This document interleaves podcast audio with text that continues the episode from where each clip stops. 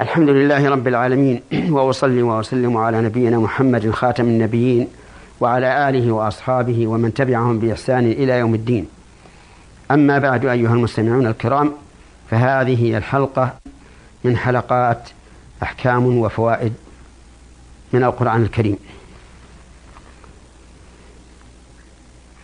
كنا تكلمنا على قول الله تعالى إن الذين آمنوا وعملوا الصالحات وأقاموا الصلاة وآتوا الزكاة لهم أجرهم عند ربهم ولا خوف عليهم ولا هم يحزنون. وتكلمنا عن الإيمان وهو الإيمان بالله وملائكته وكتبه ورسله واليوم الآخر والقدر خيره وشره. أما قوله وعملوا الصالحات أي عملوا الأعمال الصالحات. فمتى تكون الأعمال صالحات؟ تكون الأعمال صالحات إذا تضمنت شيئين. الأول الإخلاص لله عز وجل والثاني المتابعة لرسول الله صلى الله عليه وعلى آله وسلم. أما الإخلاص لله فأن لا يريد الإنسان بعمله أي بعمله الذي يتعبد لله به إلا وجه الله تعالى والدار الآخرة. فلا يتعبد رياء ولا سمعة ولا طلبا لجاه ولا طلبا للرئاسة ولا طلبا لمال ولا وإنما يتعبد لله تعالى طلبا لوجهه تبارك وتعالى والوصول إلى دار كرامته الأمر الثاني أن يكون أن تكون عبادته موافقة لشريعة الله عز وجل على وفق ما شرعه النبي صلى الله عليه وعلى آله وسلم. فبالأمر الأول أعني الإخلاص لله عز وجل ينتفي الشرك وبالثاني وهو المتابعة تنتفي البدعة. فمن عمل لله عملا أشرك فيه مع الله غيره فهو باطل. لقول الله تبارك وتعالى أنا أغنى الشركاء في الحديث القدسي لقوله تبارك وتعالى في الحديث القدسي أنا أغنى الشركاء عن الشرك. من عمل عملا أشرك فيه معي غيري تركته وشركه. وبالثاني وهو متابعة الرسول صلى الله عليه وعلى آله وسلم ينتفي الابتداع. فمن تعبد لله تعالى ببدعة أي بعبادة لم يشرعها النبي صلى الله عليه وعلى آله وسلم فعبادته مردودة عليه. لقول النبي صلى الله عليه وعلى آله وسلم من عمل عملا ليس عليه أمرنا فهو رد. أي مردود عليه. إذن العمل الصالح ما اجتمع فيه شيئان الأول الإخلاص لله والثاني المتابعة لرسول الله صلى الله عليه وعلى آله وسلم. فهذان وصفان الإيمان والعمل الصالح. الوصف الثالث وأقاموا الصلاة. والصلاة هي التعبد لله تعالى بأقوال وأفعال معلومة مفتتحة بالتكبير مختتمة بالتسليم. وإقامة الصلاة الإتيان بها على وجه مستقيم وذلك بكونها خالصة لله متابعا فيها رسول الله صلى الله عليه وعلى آله وسلم. والصلوات معروفة والحمد لله. بين المسلمين خاصتهم وعامتهم وهي خمس صلوات. الفجر والظهر والعصر والمغرب والعشاء. هذه هي الصلوات الواجبة. ويكون بدل الظهر أي في وقت الظهر صلاة تكون صلاة الجمعة في يوم الجمعة.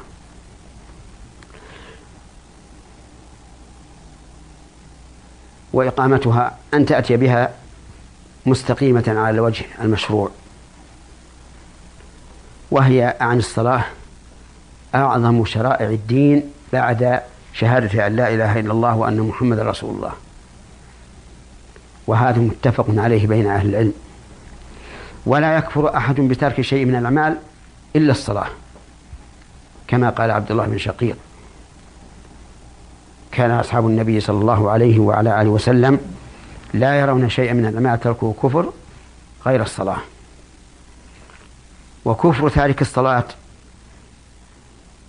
ثابت بالكتاب والسنة وأقوال الصحابة رضي الله عنهم حتى إن بعضهم حكاه إجماعهم أي أنهم مجمعون عليه.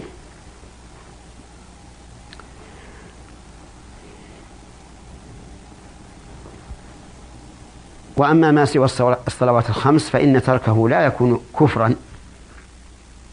فمن ترك صلاة العيد مثلا لم يكفر ومن ترك صلاة الكسوف لم يكفر ومن ترك صلاة الاستسقاء لم يكفر ومن ترك الوتر لم يكفر وإن داوم على ذلك لأن ما عدا الصلوات الخمس لا كفر في تركه. وليعلم أنه لا يخلو المسلم من تقصير في صلاته ولهذا من الله على عباده بمشروعية التقرب إليه بصلوات يتطوع فيها العبد يتطوع فيها العبد لله عز وجل. فمثلا الصلوات الخمس لها رواتب. أربع قبل الظهر بسلامين. وركعتان بعدها وركعتان بعد المغرب وركعتان بعد العشاء وركعتان قبل الفجر. فهذه اثنتا عشرة ركعة من صلاهن بنى الله له بيتا في الجنة.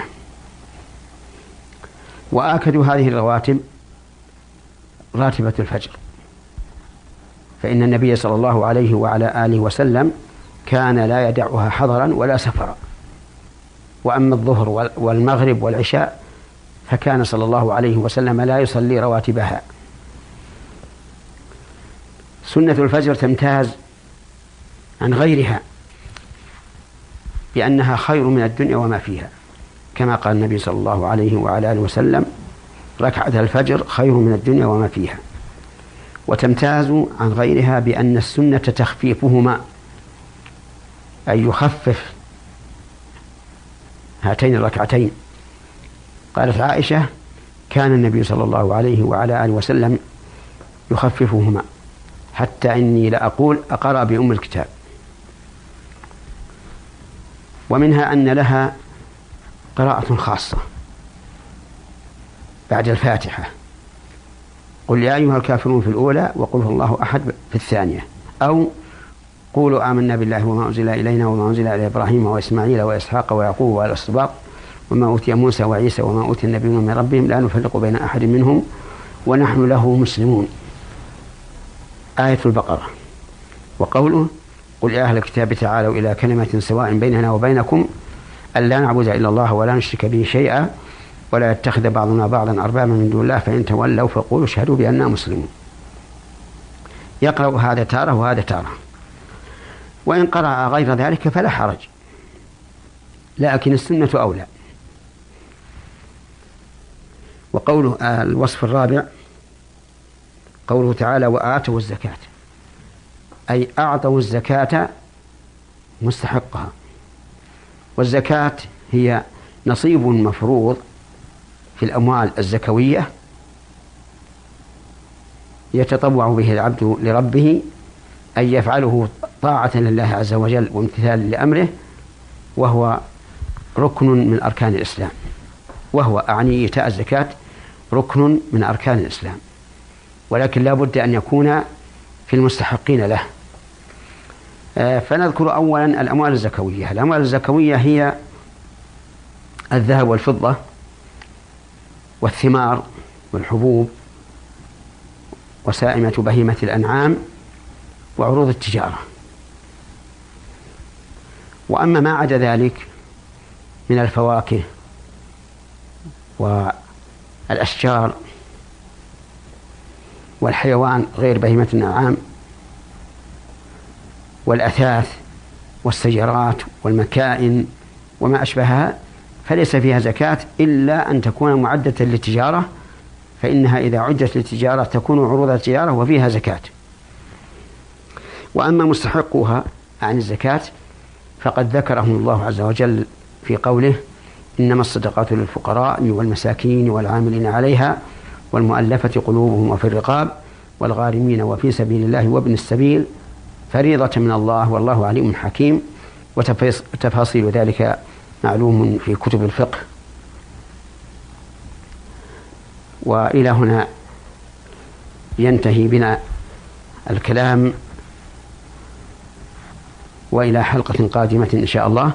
والسلام عليكم ورحمة الله وبركاته.